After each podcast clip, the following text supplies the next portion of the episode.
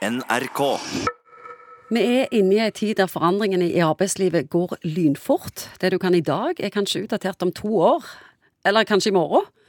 Vi må snu oss om og tilpasse oss, og hverdagen endres ustanselig. Og så er det òg sånn at når vi blir eldre, så blir motstanden mot forandring sterkere.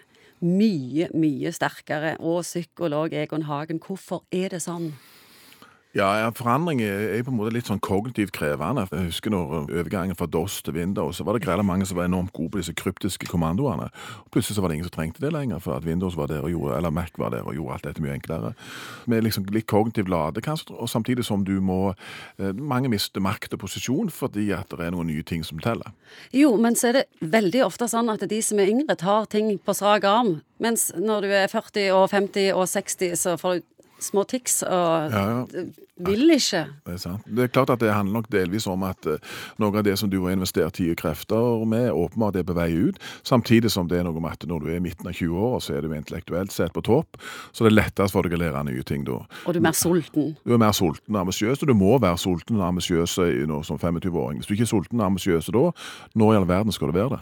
Når starter denne motstanden? Jeg leste en gang at du blir mindre kreativ etter 40, så da må det være kanskje rundt der, tenker jeg, eller er det eldre? Ja, Det er sikkert veldig individuelt. altså Du kan sikkert finne 60-åringer som er klar for alt det nye og elsker det og sånn. Så der er vi jo òg forskjellige. Har det generelle. Ja, generelle. Og det, jeg tror nok at eh, jo eldre vi blir, og jo mer vi har investert egentlig i en gitt ting, jo, selvfølgelig, jo, større utfordring er det på en måte når det er forandringer. Du kommer fort i den situasjonen at du tenker at hva dette er for noe tull, og det var mye bedre før, og så videre og så videre.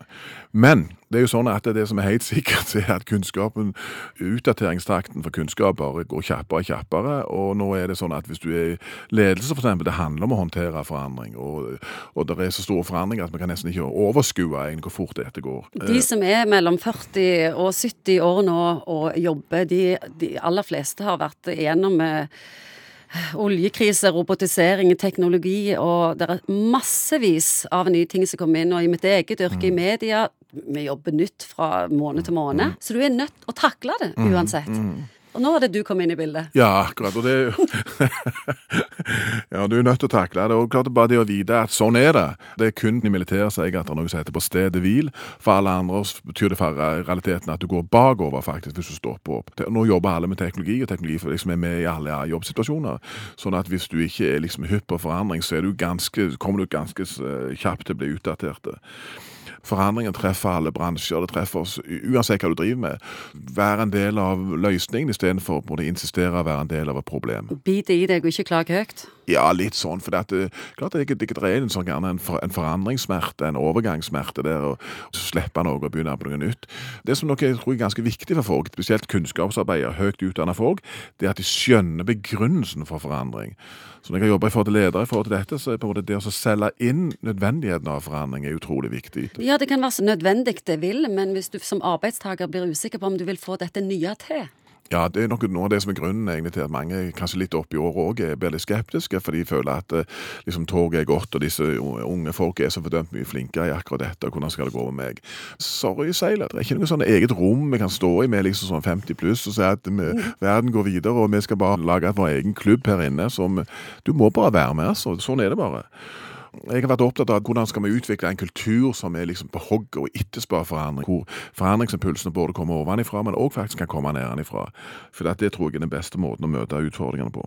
Og så er det jo sånn at eh, Jeg har vært i sammenhenger hvor folk har sagt det at ok, hvis dere har tatt en beslutning om en eller annen forandring, så er det et veldig godt utgangspunkt for en lang og vedvarende diskusjon. Når toget har forlatt plattformen, når dere har tatt en beslutning, så er det jo, jo fortere alle tar det og er med på det, jo mindre energilekkasjer går det på på en måte å snakke drit om noe som du er enig om. Beslutningen er fattet, så bare vær med.